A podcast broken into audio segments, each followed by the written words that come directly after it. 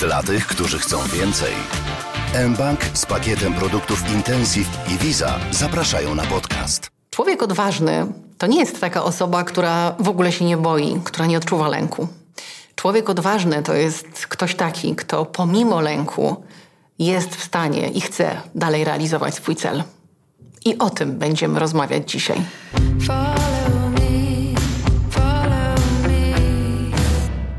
Bardzo często słyszę takie pytanie: jak to jest, że jesteś taka odważna? Jak to jest być takim odważnym?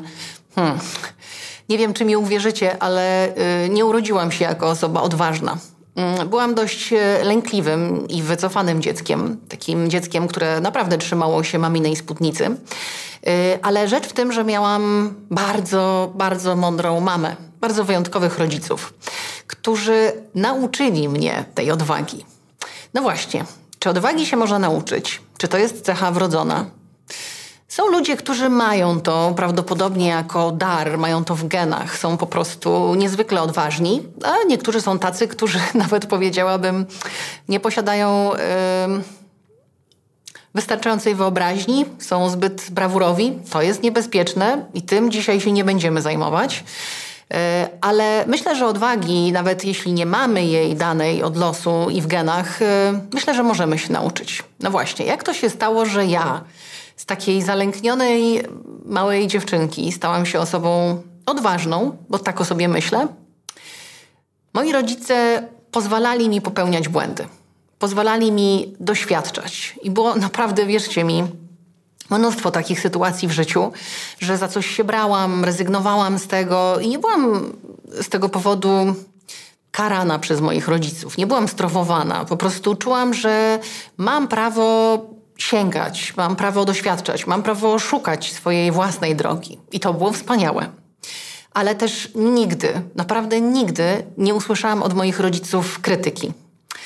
Nie znaczy to oczywiście, że nigdy nie dostałam e, feedbacku, że może jednak e, warto byłoby rozważyć trochę inny scenariusz inną ścieżkę. Ale rzecz w tym, że nigdy nie usłyszałam krytyki, która podcięłaby mi skrzydła. Rodzice patrzyli na mnie kiedy robiłam coś, no i doskonale wiedzieli, że, że robię źle. Wiedzieli, jak to się skończy. Byli w stanie, jako osoby dorosłe z doświadczeniem, byli w stanie przewidzieć cały ten proces i, i byli w stanie przewidzieć, do czego mnie to doprowadzi, do jakiego punktu dojdę. Ale właśnie wtedy potrafili zachować, a moja mama w szczególności, która jest wzorem naprawdę super cierpliwej i wyrozumiałej osoby, moja mama właśnie w tych sytuacjach pozwalała mi robić to, co sobie zaplanowałam. Pozwalała mi popełniać te błędy. Pozwalała mi dochodzić do tego punktu, w którym ja sama z wielkim zdumieniem odkryję, że to jest naprawdę zła droga i że trzeba to zrobić inaczej.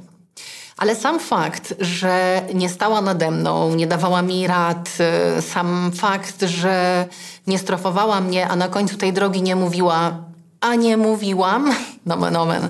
To jest takie zdanie, które rujnuje naprawdę wszelką zdolność porozumienia się pomiędzy pokoleniami. A nie mówiłam. No przecież jasne, że dorośli, dojrzali ludzie zwykle wiedzą lepiej. Ale co z tego, kiedy my potrzebujemy sami tego doświadczyć?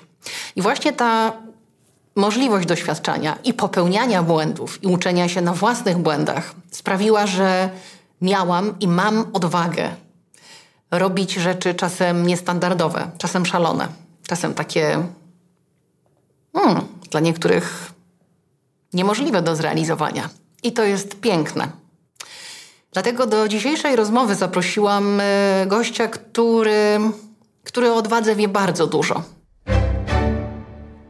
Jeden z najlepszych wspinaczy w historii himalaizmu. Nikt przed nim nie był w stanie zdobyć ośmiotysięcznika w jeden dzień, a on tego dokonał. Zdobywca korony Himalajów i Karakorum, czyli 14 najwyższych ośmiotysięczników. Jako pierwsi ludzie na świecie, razem z Leszkiem Cichym, stanęli na wierzchołku Monteverestu zimą. Zasłynął brawurowymi, także samotnymi wspinaczkami, wyznaczaniem nowych dróg, szybkością, wytrzymałością i niezwykłą odwagą. Krzysztof Wielicki, człowiek legenda. Plik numer? Pięć. Który? Pięć. Piąty. Wszystko się zgadza. Piąty człowiek w historii, który zdobył koronę Himalajów, 14 najwyższych ośmiotysięczników. Przepraszam bardzo. No, Idealnie. Stało się. No, stało się. Stało tak. się. Y, Krzysiu, jak tam dzisiaj twoja guma? Złapałeś dzisiaj Nie, gumę, dzisiaj czy dzisiaj byłem bez? bardziej rozsądny, wyjechałem godzinę wcześniej i uważałem na wszystkie krawężniki, które są na stacjach benzynowych, bo było mi wstyd. Dobra, to ja tylko wytłumaczę, o co chodzi. Otóż y, na poprzedni odcinek Krzysztof Wilicki, ten wielki Krzysztof Wilicki nie dojechał, ponieważ złapał gumę. Jak zadzwoniłeś do mnie właśnie z Jędrzejowa, że złapałeś gumę, to mówię, nie, no nie wierzę. A co z kołem zapasowym? No właśnie, a gdzie koło? Nie ma kół zapasowych teraz w samochodach. Krzysiu, a co to po prostu za Himalajista? A, no, oj to, jest oj tak, to jest tak, jakbyś poszedł się wspinać bez liny No wspinaczkowej, body słuchaj. perfect, no body perfect. Ale dotarłeś, za co Ci bardzo, bardzo, bardzo dziękuję. Yy, I słuchaj, ja dzisiaj chciałam z Tobą porozmawiać yy, yy, o odwadze. Uprzedziłam Cię co do tego. Aczkolwiek zachodzę w głowę, kiedy Krzysztof Wilicki ostatnio się bał? Ja zawsze się boję. Strach jest strasznie ważny. Bez strachu nie byłoby emocji. Trzeba mieć strach taki kreatywny strach, tak? Prawda? Nie lęk, tylko strach. Ten strach przeradza się w odwagę, prawda? A odwaga czasem w szaleństwo. Mówi się, że między odwagą a szaleństwem jest tylko ta jedna cienka czerwona linia. W mojej opinii to, to nie jest cienka czerwona linia. Ja myślę, że ta linia jest strasz, całkiem szeroka. Wiesz dlaczego? Bo tam w tej linii balansujesz. Właściwie, czy to jeszcze jest odwaga, a może szaleństwo? Nie wiesz do końca. Bo to nie jest tak, że jest stricte napisane, że w tym momencie przekraczasz odwagę, jest szaleństwo. Nie.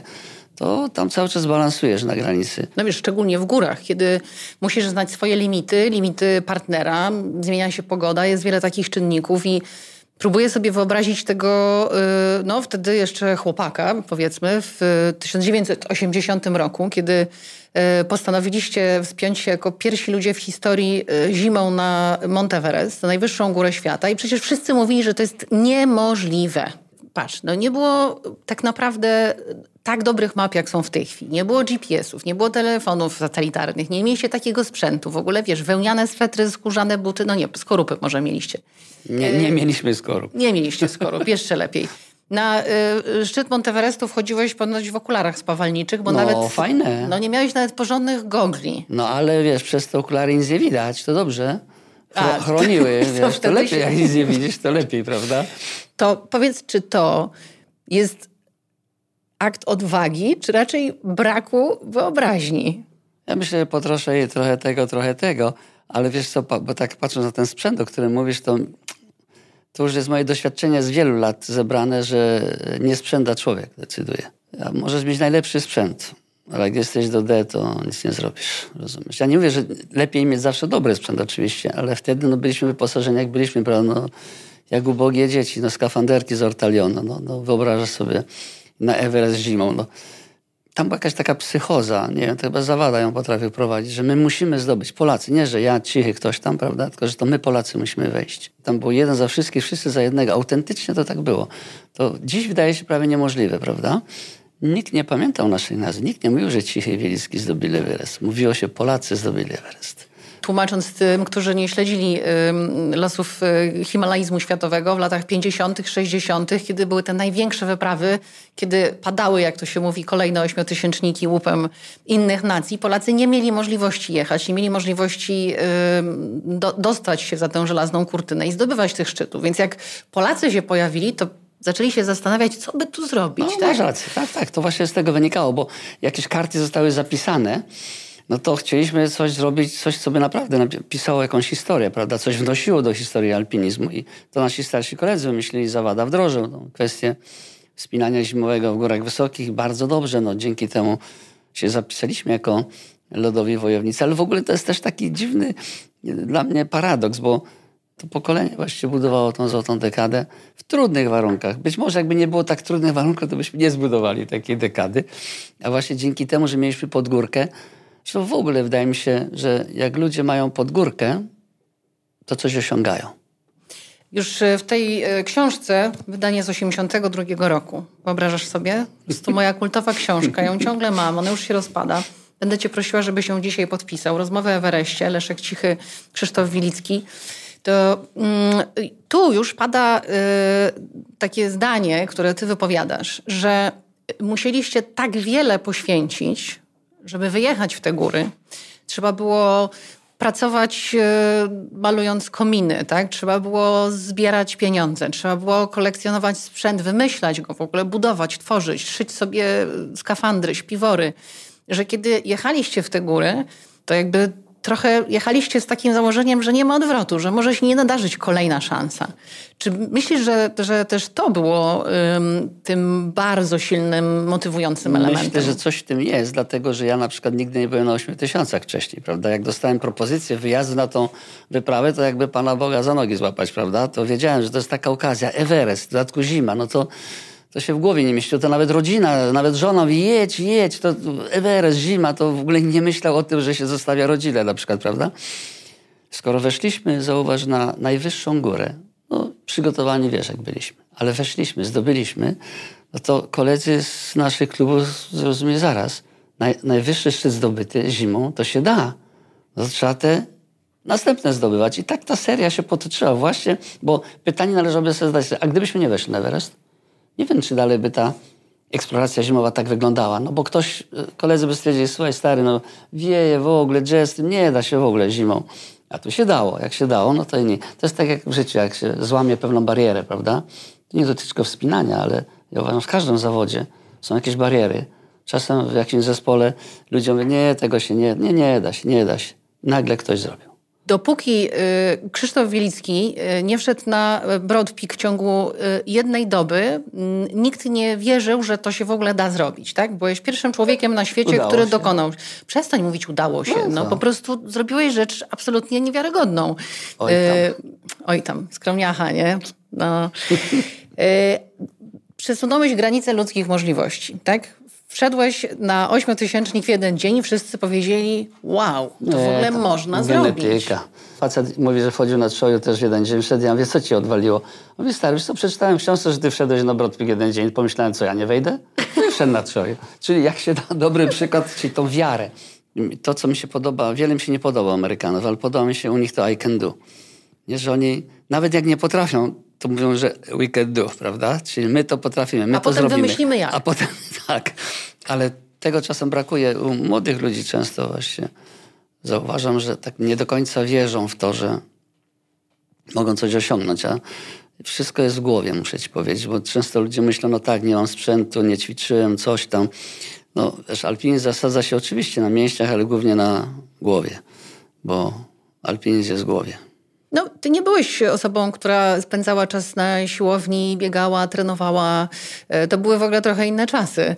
Mm, e, Dzisiaj można powiedzieć, że do wypraw w Himalaje to przygotowują się sportowcy czasem wręcz w laboratoriach, ale no, wy byliście jednak innym pokoleniem. Tak. Naszym laboratorium to były góry. Myśmy cały czas spinali po prostu. Czyli skały, Tatry, wyjazdy, Alpy, Dolomity. To był nasz trening.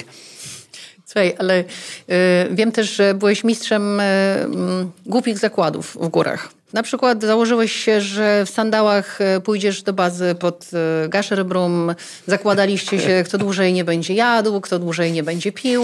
I tłumaczyłeś to, nie, nie wiem czy do końca mądrze, jeśli mam być szczera, Z punktu widzenia lekarskiego to nie jest nie, ale tłumaczyłeś to, że to jest przystosowywanie organizmu właśnie do wyrzeczeń i do trudnych warunków. Ja ci powiem, niektóre te głupie zakłady to wynikają z naszej głupoty po prostu, bo jak idziesz tak i, i, nie ma co robić, nie masz czym myśleć, to sobie wymyślasz jakieś głupie rzeczy na typu sandały, prawda? A potem się jest głupio wycofać. Ile ja razy dostałem w paluchy y, na tym lodowcu, to, ale wiesz, jak już powiedziałem raz, że dojdę, to dojdę, prawda? To jest też determinacja, nazwijmy, czyli uczymy się determinacji. Moi przyjaciele lekarze mówią, tu, tu, chłopie, odwodnienie, przecież nie wolno odwadniać organizmu. Ja wiem, że nie wolno odwadniać organizmu, ale skoro się założyliśmy przez 11 dni, nie będziemy pić po drodze wody, tylko śniadanie i dopiero potem kolacja, a po drodze, ale wiesz, mieliśmy tam butelkę z wodą, mogliśmy się napić, no ale się założyliśmy, że nie będziemy. Element w tym był, no takiego odmawiania sobie, bo widzisz, to, ja uważam, że jeśli człowiek potrafi sobie czegoś odmówić, raz, drugi, trzeci, to buduje tą silną wolę i jest w stanie w innej, w trudnej, autentycznej, nienarzuconej sytuacji może sobie poradzić, bo uzna, że a, nie takie rzeczy robiłem, nie jadłem, nie piłem, czy nie, to i tu dam radę, prawda? Bo to znów wszystko jest w tej głowie, prawda? W tej wierze, że dam radę. No więc e, coś przemyciliście, coś zorganizowaliście, e, pieniądze były, paszporty były. Mm, te wyprawy były dużo, dużo dłuższe niż, e, niż w tej chwili. Trzeba było zapakować no. się tak, do ciężarówki, przejechać kawał tak. świata. Więc długo byliście daleko od domów. I ja mam y, takie poczucie, że wszystkie książki górskie, y, które, które powstawały w pewnych czasach, pisali mężczyźni i tam nie ma w ogóle słowa. No właśnie, nie ma słowa o tęsknocie, o rodzinie. Często też nie ma o tych wyrzeczeniach. Nie ma o strachu, Krzysiek. Większość książek górskich, które powstawały, dotyczą tego, byliśmy, załoiliśmy, tak. założyliśmy obóz, tak. zeszliśmy, szczyt był, szczytu nie było. Strachu nie mam. Nie, muszę ci powiedzieć, że opuszczając dom, ja ani wielu moich przyjaciół nigdy nie myślało, że nie wróci. Że to jest tylko chwila. Wyskakuję w góry, zaraz wracam do domu, prawda? Oczywiście czysty egoizm w czystej formie. No, nie może być, nie, można tego inaczej nazwać. Ale wiesz co, my, przynajmniej ja, tak myślałem, że, że my dokonujemy jakiejś misji wielkiej. Tam, tak, jak to jest misja, to są koszty, nie? Obrona ojczyzny, obrona rodziny, wojna, no misja, trzeba walczyć. A myśmy walczyli o pozycję naszego alpinizmu w świecie, tak sobie tłumaczyliśmy, no więc misyjnie. No więc cóż, tam rodzina, no sorry, nie? Byłam świadkiem, e, kiedy wspominałeś na jednej z prelekcji, że w domu tyle problemów, dzieci, a dodam, że masz już w tej chwili czworo, Oj, tak? E, wtedy w tamtym czasie miałeś e, troje, więc troje dzieci. Każdy ktoś coś chciał. Tu po prostu jakieś podatki, obowiązki, skoszenie trawnika. No to co? Tylko plecak i chodu w górę. No jest ta sprawa. Myśmy tak robili, ale wiesz, no... Yy to, to, jest, to jest trudny temat, ale na usprawiedliwienie mam to, że wielu z nas tak robiło, że to nie ja byłem wyjątkiem. Nie, wiesz, to nie no, jest kwestia, to nie jest tak, że się teraz atakuję. Ja próbuję ale... tylko zrozumieć, jaki to jest, y, y, wiesz, niesamowity mechanizm, że mm, wiesz, mamy taką skłonność, żeby myśleć o ludziach, którzy idą gdzieś tam wysoko w góry, że to są herosi, że to jest bohaterstwo, że to jest prawdziwy akt odwagi. A myślę sobie, że czasem wielkiej odwagi wymaga y, bycie i życie tu i, I dlatego, mierzenie się z różnymi wyzwaniami. Dlatego ci powiem, że teraz bym tak nie zrobił. Naprawdę? E, człowiek dojrzewa, prawda? Wiesz, to ja inaczej powiedział, że po fakcie, to ja sam na przykład stwierdzam, po fakcie nic się wielkiego nie stało. Dzieci wychowane, dzieci pokończyły uczelnię, mają dobrze się, że tak powiem, społecznie się odnalazły w ogóle, bo gorzej, gdyby po takich naszych eskapadach się okazało, że wiesz, że dzieci wcale się nie mają tak, jak powinny się mieć, no to miałbym kaca, ale tak to na tej zasadzie myślę, no było jak było, ale... Ja no mieliście mądre żony, tak, wszyscy. No, gdyby nie żony, to w ogóle. Ja zawsze uważam, że nasze sukcesy, wielu z moich przyjaciół to były sukcesami również naszych partnerek i, i żon, bo to jest coś takiego, że jest taka taka łączność psychologiczna, psychiczna między, mimo że, byli, że się rozstaliśmy, ale każda, żona wiedziała, że ja jadę, bo jakąś chcę wykonać wyzwanie wielkie robić. Ja wiedziałem, że wszystko w domu są, jest, jest że czekają. I na przykład muszę ci powiedzieć, że moja żona nigdy nie, przed wyjazdem nie powiedziała, słuchaj, szybko wracaj do tego. Nie, bądź tak długo, jak musisz bądź tak długo jak musimy, żebyś bezpiecznie wrócił do domu. Nie, nie, nie, przejmuj się tym, że my tu jesteśmy razem. No to trzeba mieć wielkie kobiety za partnerki i wtedy można coś osiągnąć. Troje dorosłych odchowanych dzieci, sześcioro wnucząt i... Duża rodzina. I syn. I syn. Który jest młodszy od mojej córki. Oj tam, Krzysztof Wielicki junior. Tylko. No, dokonałeś dużej wolty i to można powiedzieć e, na późnym e, etapie swojego życia, jak na ojcostwo. E, czy to już inne tacierzyństwo, twoim zdaniem? To jest, to jest zupełnie coś innego. Ja nie wiedziałem, że istnieje coś takiego. To jest, to jest coś innego. To jest kompletnie co innego. To, to jest takie połączenie, wiesz, ojcostwa z bycie dziadkiem trochę, nie? Czyli ta nadopiekuńczość, a jednocześnie ja na przykład, jak się urodził, to ja miałem takie ciągłe obawy, że mu się coś stanie, że jak idzie przez ulicę, czy gra w piłkę, czy wrócił, czy nie, rozumiesz? Przy moich pierwszych dzieciach w ogóle takiego tematu nie było. Teraz poczułem, jak wiele mógłbym stracić, jakbym nie wrócił, jak wiele syn straciłby, jakby mnie nie było. Że nie miałbym tej możliwości uczestniczenia w jego życiu. Nie pierwsze w przedszkole, pierwsza TITE tak zwana na Śląsku, czyli pierwsza klasa i torba z cukierkami, potem gdzieś pierwszy, trzeci, pierwszy trening, drugi klub. I to są niesamowite wartości, ale ja je dopiero teraz doceniłem. Wcześniej Wcześniej tego nie miałem. I znaczy to pewnie jest połączenie tej dwóch rzeczy. Jedna rzecz to jest kwestia wieku, prawda? A druga, związana z moją pasją zresztą, to ta, że osiągnąłem taką pozycję, że ja już nic nie muszę. I to pozwoliło mi teraz cały czas być synem. Już nie mam takich potrzeb, żeby na przykład zostawić syna i nagle sobie wyjechać na dwa miesiące, prawda? Nie mam takich, bo już coś w życiu zrobiłem, prawda? Mówię o górach teraz, prawda? Mhm. Zacząłem widzieć wagę, nie? I szalki. Co możesz... Po... Przedtem myśmy nie widzieli wagi w ogóle. Nie wiem, jak to się stało. Może nie było wag? Nie wiem. Były, były. były. No, ale nie widzieliśmy. A teraz widzę. To jest szalka taka, nie? No tu zdobyłeś coś tam w górach, zrobiłeś. Bo ja wiem, czy tam jeszcze jeden jakiś głupi wyjazd na 8 tysięcy niebezpieczny robić, to już tak do mojej kariery niewiele to wniesie, a ile mógłbym stracić, prawda? Wiesz, jest taka definicja szczęścia. Wiesz, jaka jest definicja szczęścia? Nie. Ja już nic nie muszę. Ale mogę. to, co chcesz, jeszcze mogę. Bo to jest takie ważne, że nie masz tej presji takiej, prawda? Nie masz tego ciśnienia, że muszę coś zrobić, że muszę. I jeszcze jest tak zwany lak, czyli ten fart. Jak zwał, tak zwał. Szczęściarz.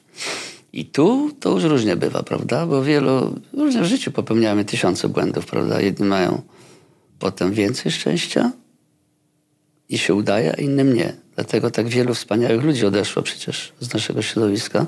Świetnych alpinistów. No, luck. Czyli trzeba być szczęściarzem jeszcze. Ja chyba jestem, bo wspinam się już z 51 lat. No tak, odeszli najwięksi. Y, Kukuczka, Rutkiewicz, y, wielu y, innych, wielu innych Heiser.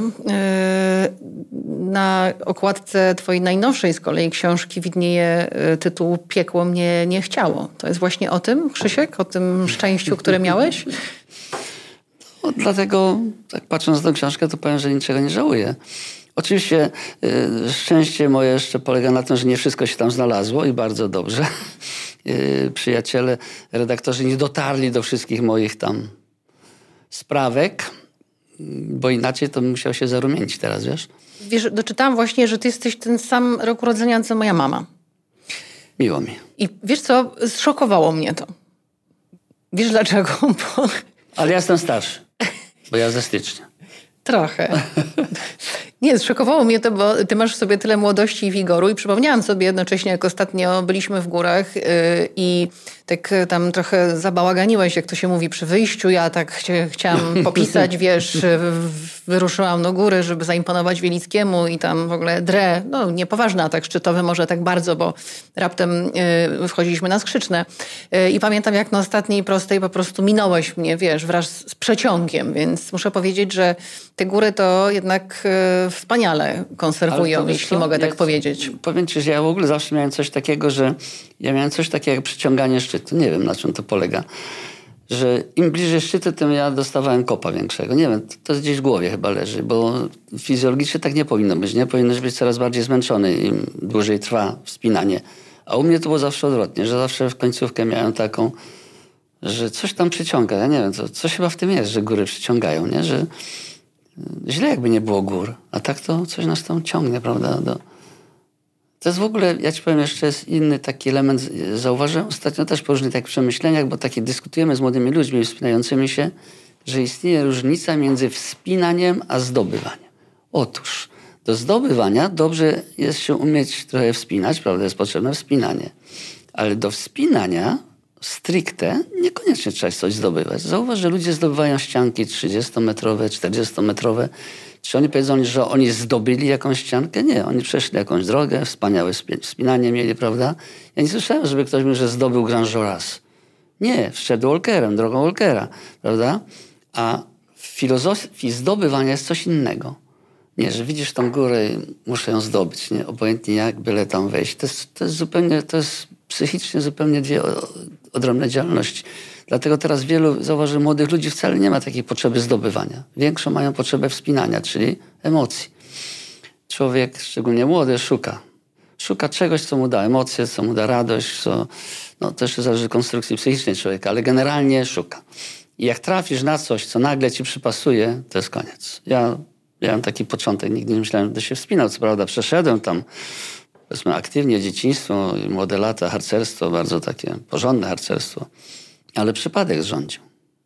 że pojechałem w skały i zobaczyłem ludzi się wspinających. To jeszcze w dodatku z naszego wydziału, z elektroniki.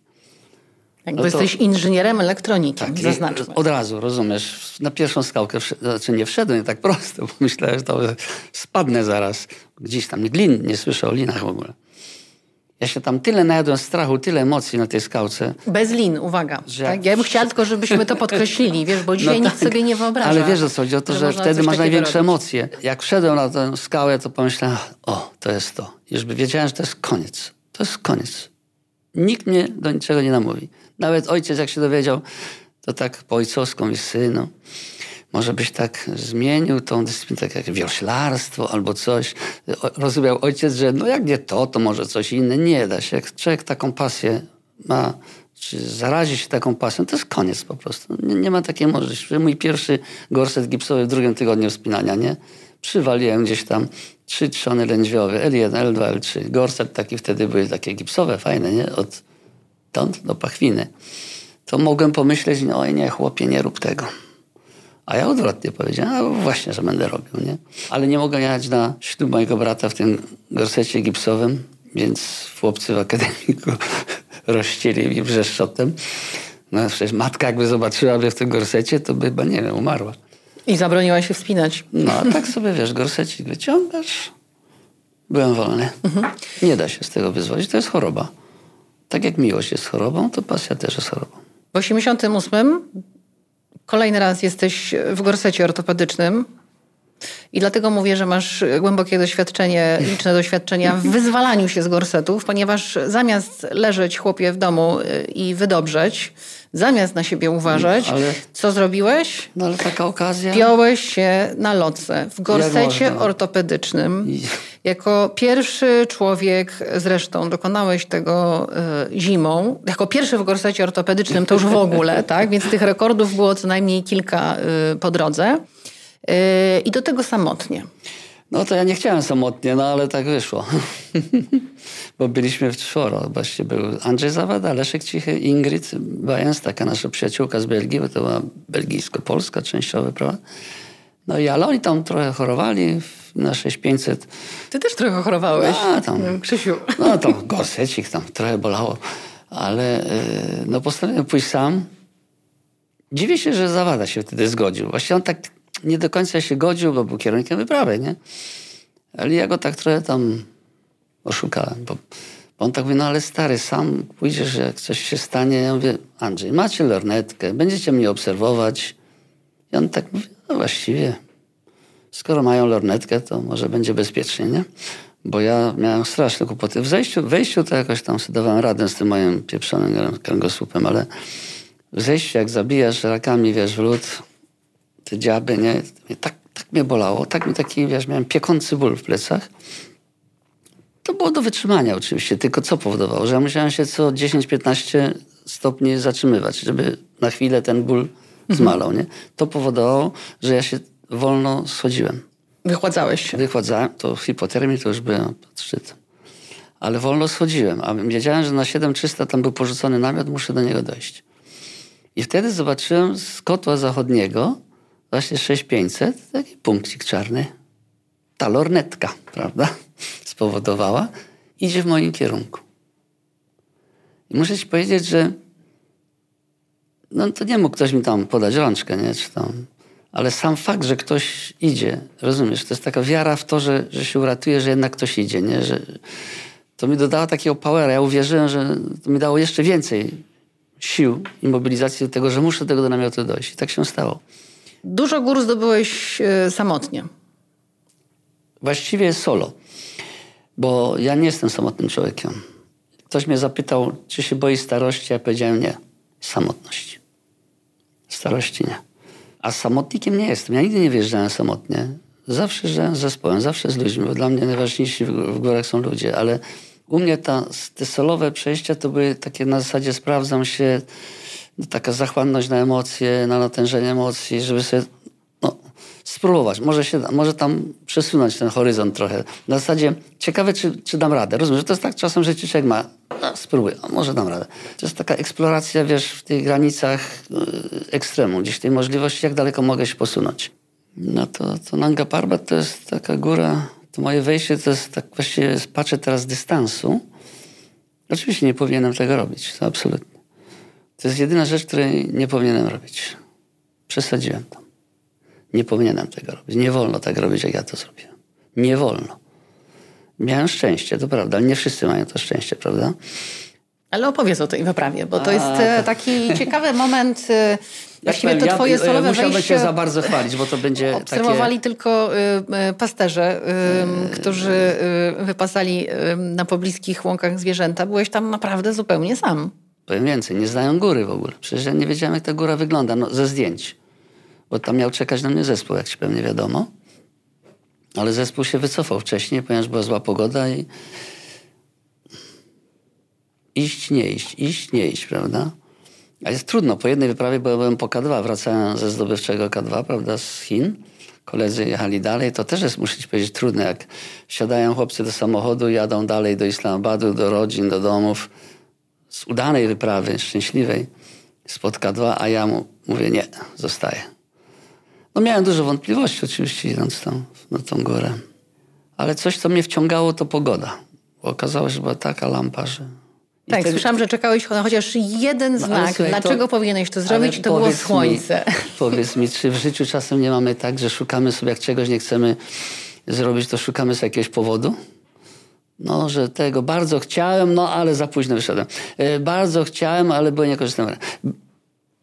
To była podobna sytuacja, tak sobie myślę. No tak, i, tak poddać się? Nie, muszę spróbować. Nie? Idę i tak sobie myślę, Boże, żeby tak chociaż jeden deszcz spadł, albo chociaż trochę śniegu, albo... Będzie pretekst, żeby bo się wiesz, to jest taki pretekst, wracasz do klubu i wiesz, jak to w klubie, nie? No i co tam, dałeś D, nie? No dałeś D, no ale stary, pół metra śniegu, to co miałem, nie? A co tu miałem tłumaczyć, że jakiś tam rzut mi wyrósł, to by mnie wyśmiali.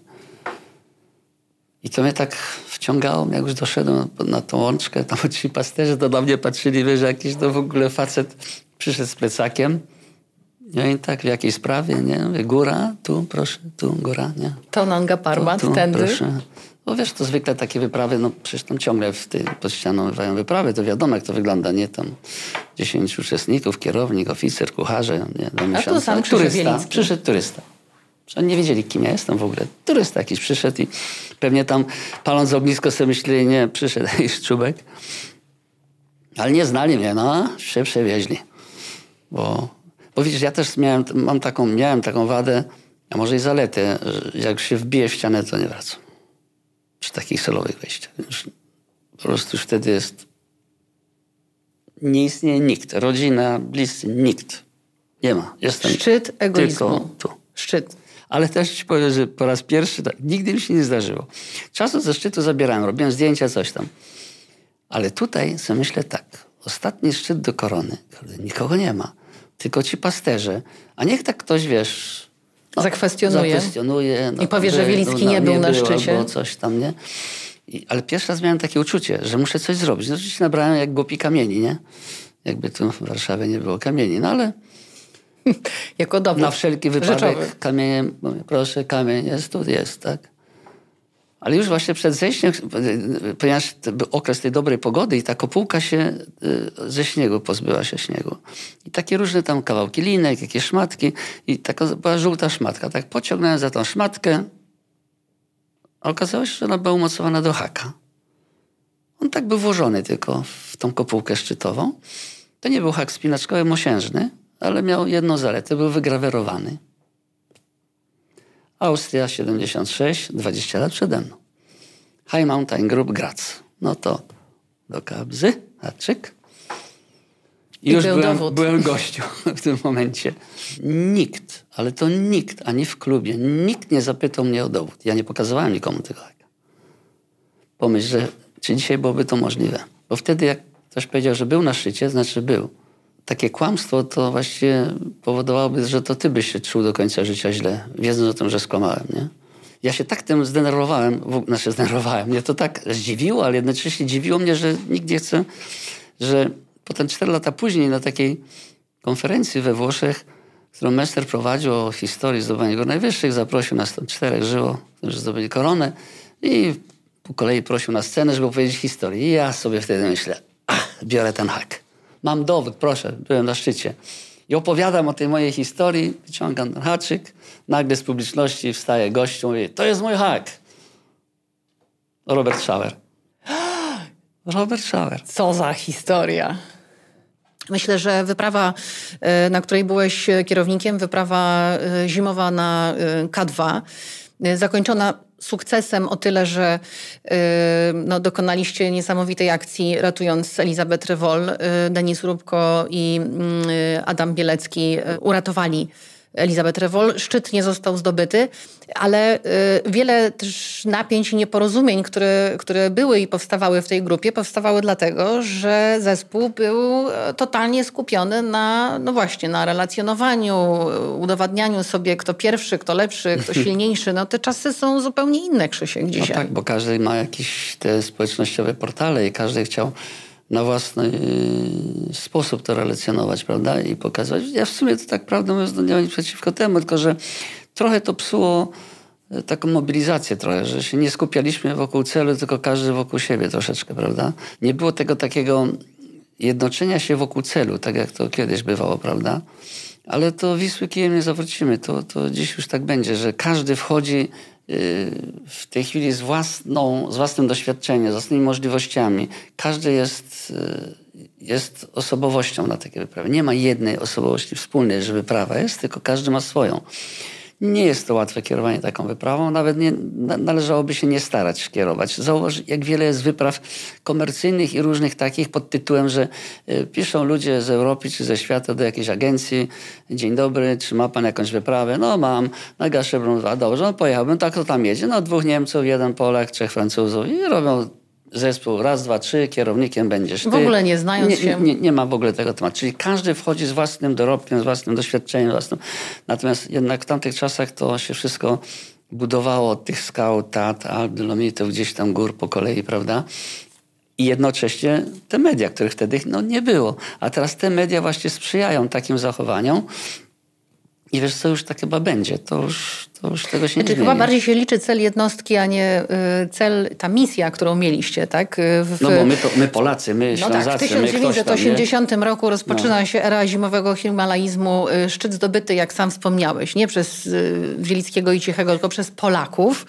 A w 2020 roku ta historia zatacza koło i K2, ostatni zresztą niezdobyty zimą ośmiotysięcznik, w końcu zdobywają Nepalczycy. Tak? I to jest akurat piękna historia, że zdobyli ten szczyt razem. Zaczekali na siebie, żeby w dziesięciu razem wejść na wierzchołek. Wiesz, to jest jakiś, jakiś mm, stryczek w nos dla całego zachodniego świata, żeby pokazać, że y, można obudzić tego ducha zespołu, można zrobić coś razem, można nie skupiać się tylko na twoim indywidualnym celu, indywidualnym osiągnięciu. Ja myślę, że tam zadziałało coś takiego, że oni na 7300 kiedyś tam znaleźli, jak zobaczyli, że jest okno pogodowe i że mają dużo sprzętu, tlenu, wszystko mają, to odnaleźli swoją tożsamość. Oni w tym momencie zrozumieli, że nie są tylko wynajętymi pracownikami do tego, żeby klienci weszli na szczyt. Jak było przez jak było wiele, tym, wiele lat. Tylko poczuli szansę, że to my, Szerpowie, Nepalczycy szerzej, prawda? Zdobędziemy ten szczyt. I to, to, to było piękne w ogóle to wejście. Jeszcze potem ktoś podkład zrobił do hymnem do tego. No naprawdę robi to wrażenie. Pytają mnie, czy ja jestem zazdrosny, czy wiem, jak, to, jak to odebrałem. To pomyślałem, ulga pewna. Dobrze, że to nie Kazachowie, Włosi czy Hiszpanie, ani Rosjanie, tylko Nepalczycy. To, to jest akurat takim w, tej, w tych gorzkich chwilach, można powiedzieć, chwila słodyczy, że to oni właśnie zrobili. Dobrze, że to zrobili. Kiedy e, ja postanowiłam e, zdobywać Monteverest, 2006 e, rok, to co nas łączy, to również złamany kręgosłup, tak? bo podjęłam się tego wyzwania y, niedługo po tym, kiedy złamałam kręgosłup i też chodziłam w gorsecie ortopedycznym i twoja historia zresztą była dla mnie wielką inspiracją. Nie mów, że można... inspirowała się gorsetem, chyba nie. Słuchaj, no nie żeby go mieć, ale żeby pomimo wszystko, pomimo fizycznych ograniczeń podjąć się tego, to tak, byłeś dla mnie inspiracją, czyli można tak? Można było. Ale za co ci chciałam podziękować, że wiesz, w tamtym czasie usłyszałam bardzo dużo różnych gorzkich słów, że po co ja się tam pcham, a jedną y, z osób, które właśnie okazały mi wsparcie i które podzieliły się doświadczeniem, byłeś ty. Tu z himalaizmu, wiesz. Tak naprawdę mógłbyś być pierwszą osobą, która by podcięła mi skrzydła i skrytykowała mnie za ten pomysł. A nie zrobiłeś tego. Powiem więcej, wiele razy wyrażałem się o tym, że to było wspaniałe, co zrobiłeś, bo to często ludzie tak potrafią, wiesz, hejtować gdzieś tam z pozycji sobie fotelika, nie? A nie wiedzą, jak to jest. Ja mówię, słuchajcie, Martyna nikt jej nie wniósł tam. Ona musiała tam wejść. To nie jest takie, wiesz, że tak niektórym się wydaje, że to...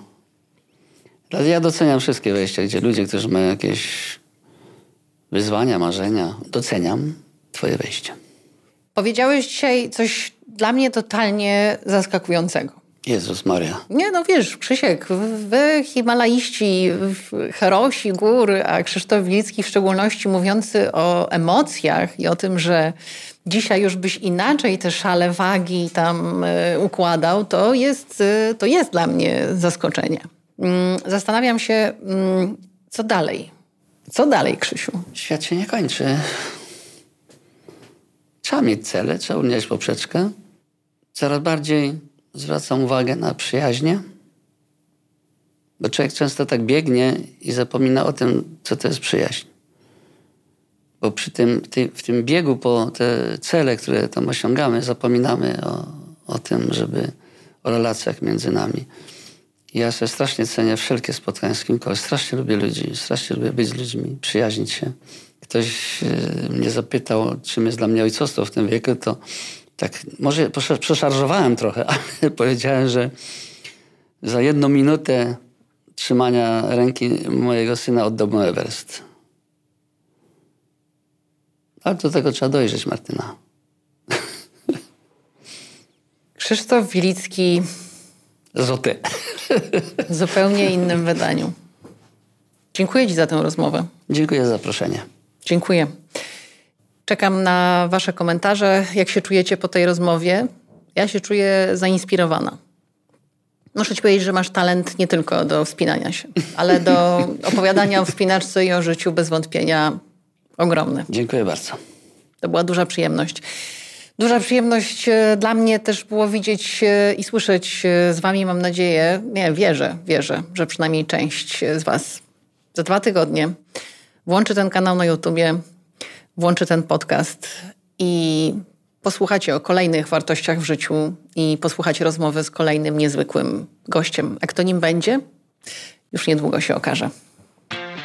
Dla tych, którzy chcą więcej, mBank z pakietem produktów Intensive i Visa dziękują za wysłuchanie podcastu.